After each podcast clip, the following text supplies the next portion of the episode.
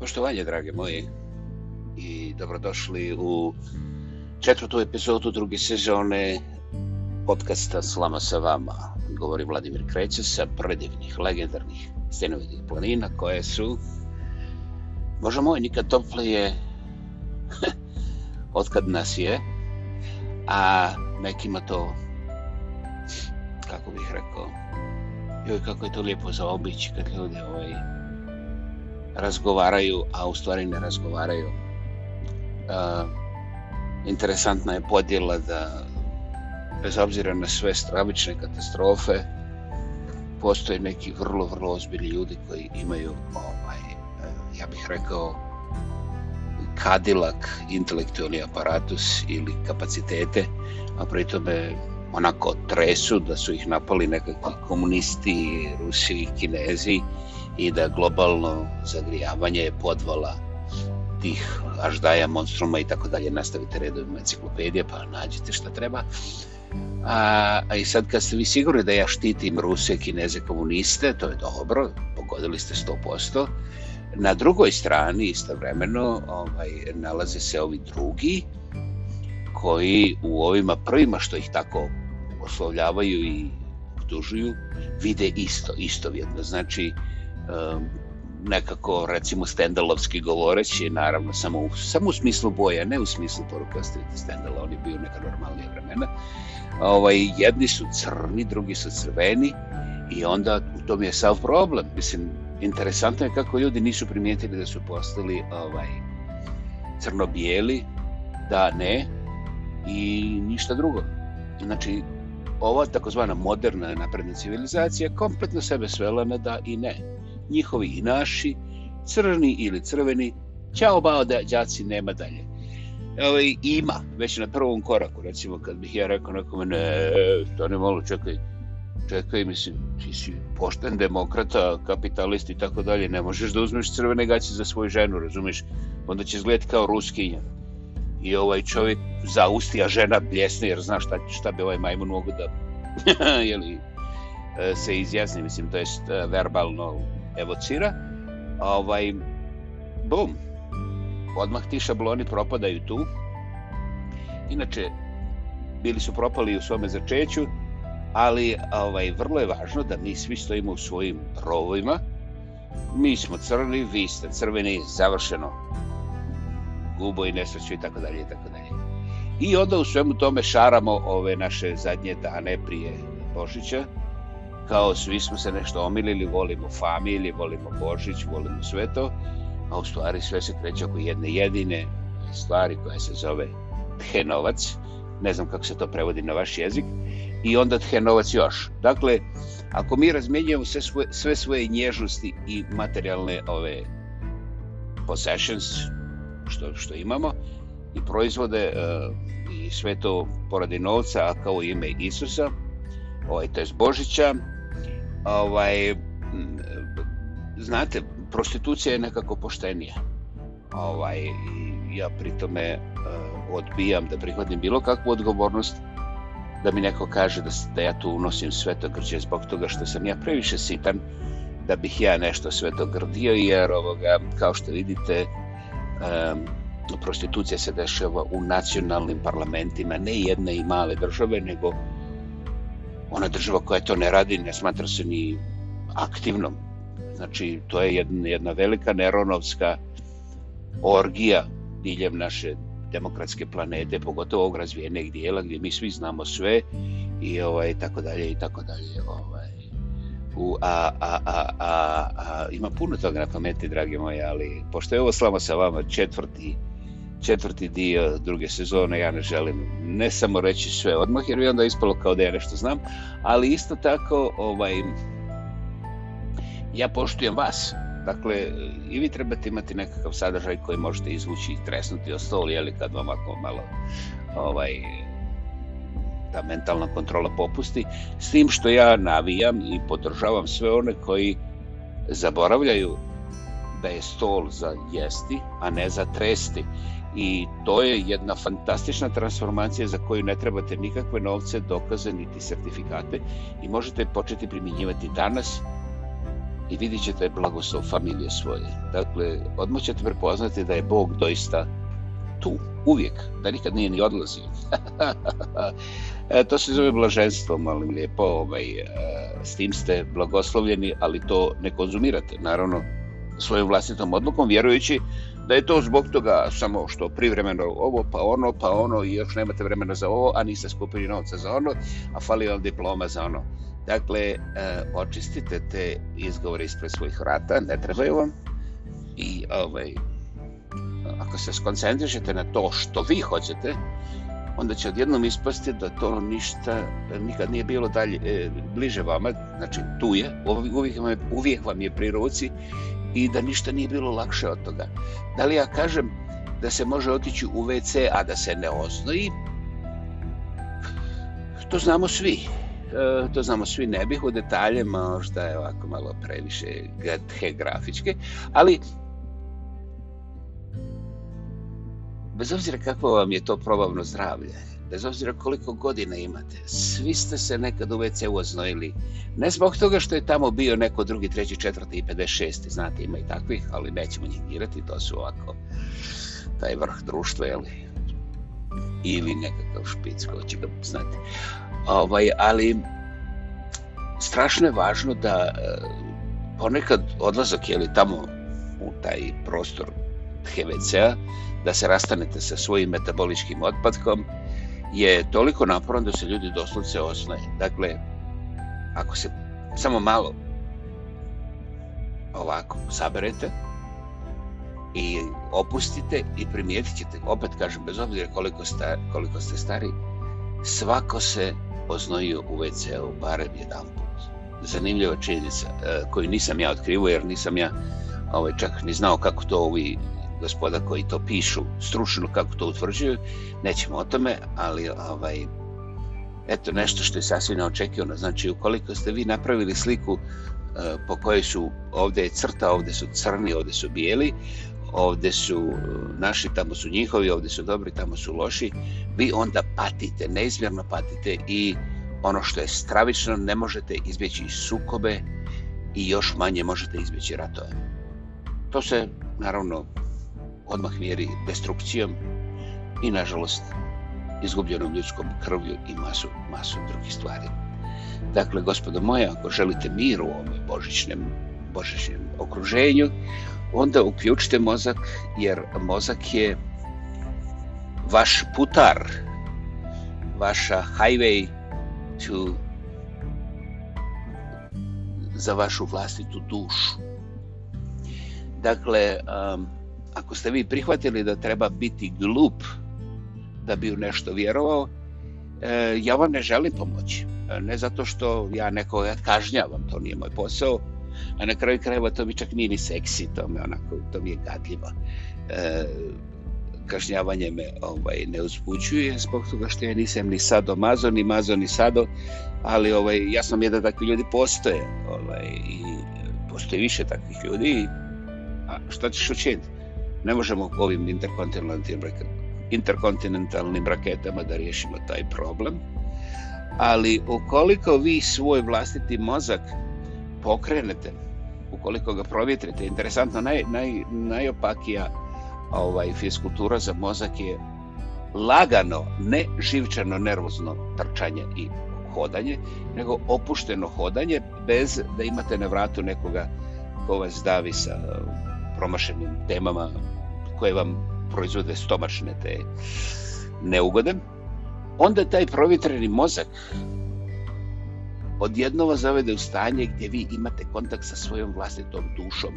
Ili misli, Bože moj, izaberite.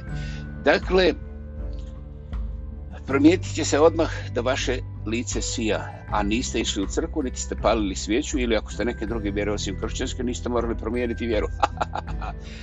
dakle, um, dolazimo na to da je Bog prisutan i da je tu. Znači, ta vrhunaravna prirodna moć je apsolutno tu i bilo kakav razgovor, da li jeste ili nije, je promašen, izgubljeno vrijeme. To ste vi izgubili. To što ste nekoga drugoga povukli u svoje blato, to, bože moj, to stavite sebi orden koji hoćete, baš ne uzbuđuje. Ali sve sile, sve dobrote, sve bogatstva i sva znanja su tu oko vas. Pitanje je da li vi hoćete da otvorite oči. I sada dolazimo na jedan tehnički detalj koji je ovih dana popularan. Naime, ljudi ovaj, nastoje između tih kupovanja.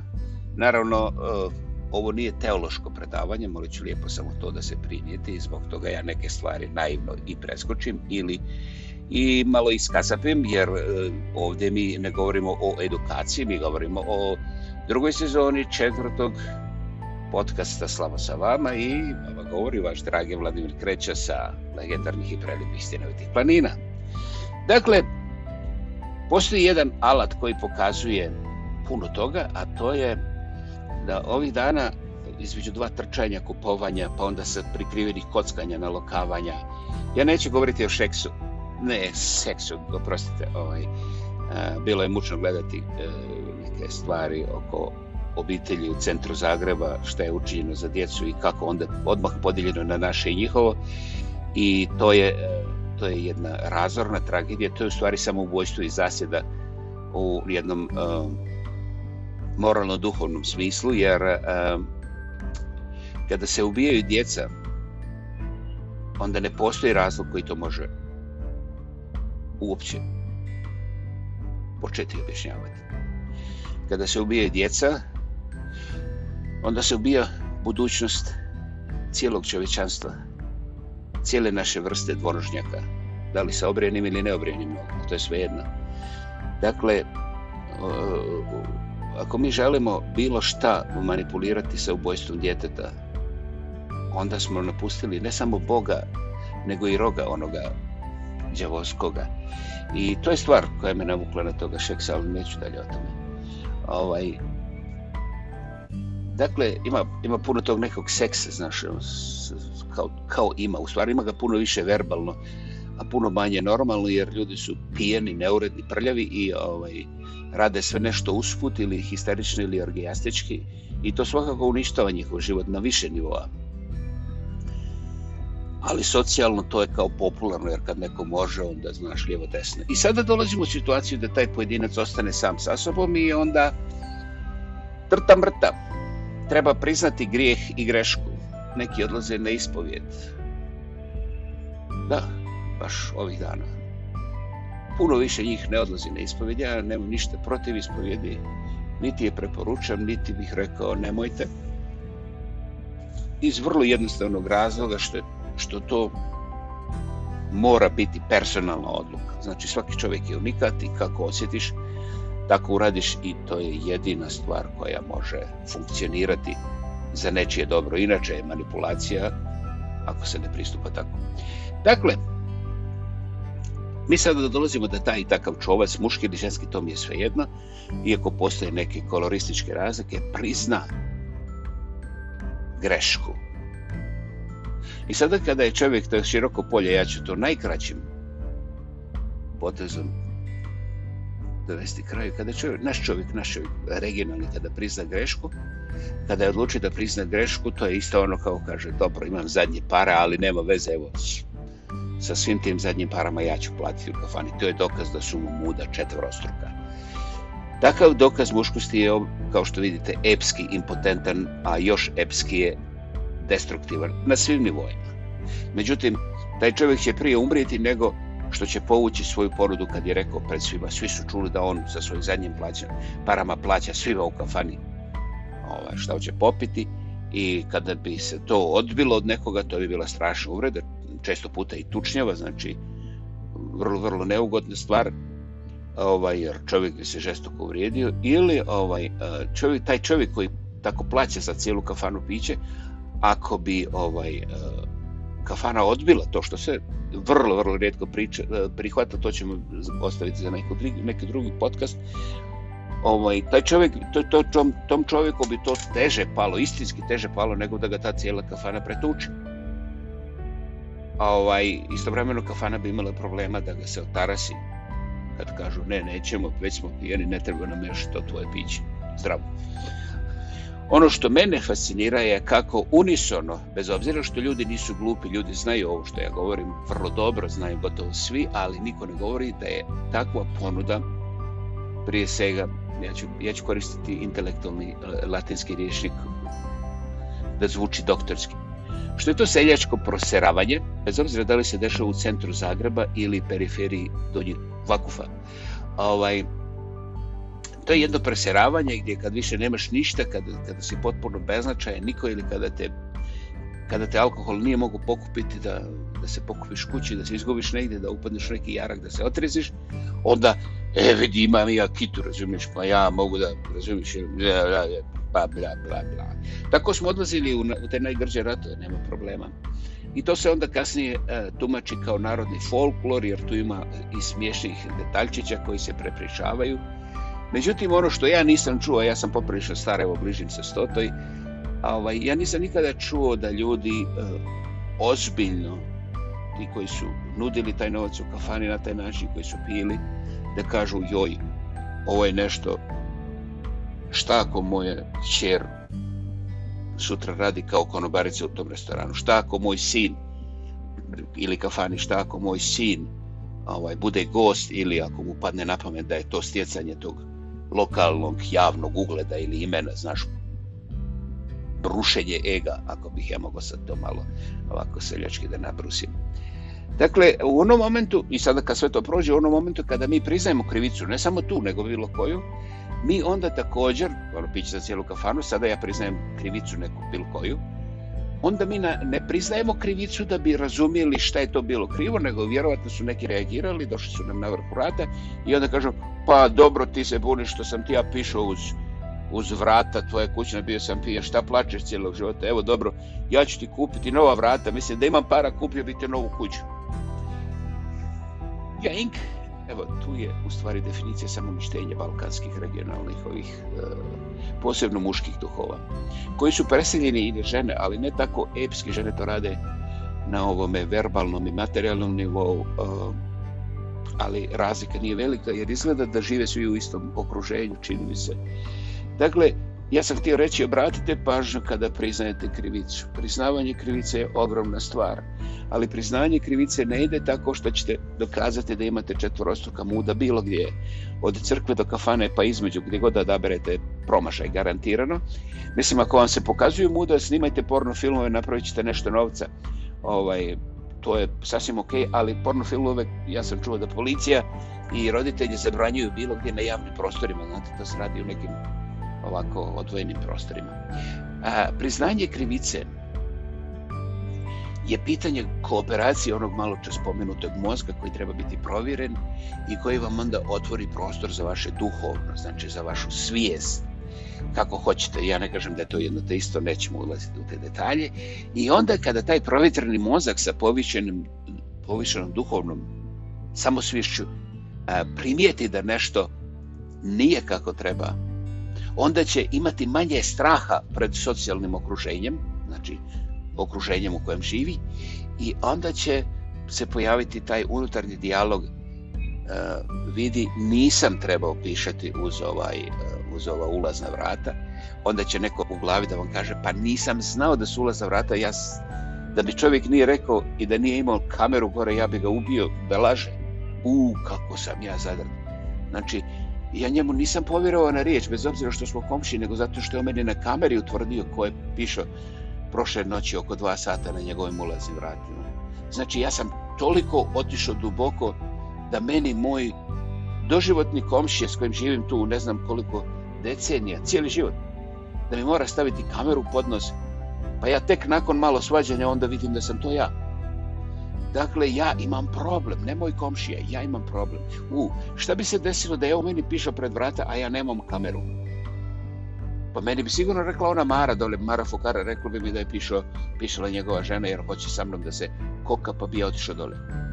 Primjećujete sada uh, regionalne supe, juhe i ove čorbe. A Ovaj, mi nismo pošteni u priznavanju krivice. Kada odlučimo da budemo pošteni, dobro, evo neka ti bude pošten. Ali u, tom, u toj odlici da budemo pošteni i da priznamo krivicu, mi napravimo suicidalnu zasjedu i sebe gurnemo još dublje. Priznavanje krivice nije guranje sebe na dublje, niti pokazivanje ljudima kako ste bijedni. Priznavanje krivice je jedna veličanstvena božanska karakteristika zreloga uma i duha, koji je svjestan da nikad neće biti perfektan kao Bog. Nikada. I onda, kada priznaje krivicu, on je priznao da bi kazao drugim ljudima, znate šta, jesam, uradio sam, ne tražite drugog krivca, nemojte širiti tračeve i neistine okolo, naravno ne mora to ti, to je indirektno rečeno onog momenta kada ste vi priznali krivicu. Nemojte optuživati nevine ljude, ja sam taj. I znate šta? Ja nemam namjeru da tako nešto ponovim. Definitivno.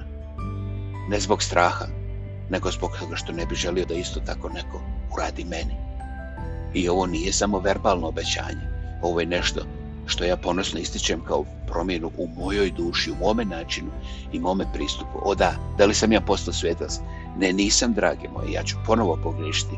Međutim, zbog moje tehnike promatranja kako sam napravio ovu grešku, ja sam sada barem 20% bolji i u buduće ću imati minimum 20% manje ovakvih grešaka, potpuno svjesno, a da ću grešiti, grešću i još ako vi imate slobodu da mi kažete da sam pogrešio, onda ću grešiti još manje, jer prije nego što greška nastane, vi ćete reći, ha, hej, rekao si da ti kažem, i evo ga, to se zove pragmatička komunikacija. I to nam ne treba ni država, ni partija, ni novac. Molim vas, bio je Vladimir Kreća u drugoj sezoni četvrtog podcasta Slama sa vama. Uživajte u adventu, ima milijon razloga, Na primjer, ja imam strašne bolove od eh, ovoga karpal sindroma koji mi ne da spavati i nisam se žalio osim jednoj osobi, evo sada se žalim svima vama, cmizdrim toliko jer neki ljudi su mi poklopili pa sam zaboravio da ovaj, kažem kad mi nešto smeta, toliko sam pobjegao u sebe jer svi su, svi su uvređeni čim ih pogledaš. Ovaj, i sada ja odlučujem da kažem budite uvređeni, evo ja nisam uvređen, prigovarajte mi koliko god hoćete, ovaj, ovo je život i doista je prelijep jer ja sam bio jučer na groblju ledeno je i dosadno je. Ovaj, nekim ljudima e, nisam, nisam plakao mada su mi suze tekle same naime u podne je bilo minus 22 volim vas. Slama sa vama. Četvrti put u drugoj sezoni Vladimir Kreća sa predivnih legendarnih sinovitih planina. Čujemo se uskoro. Hvala.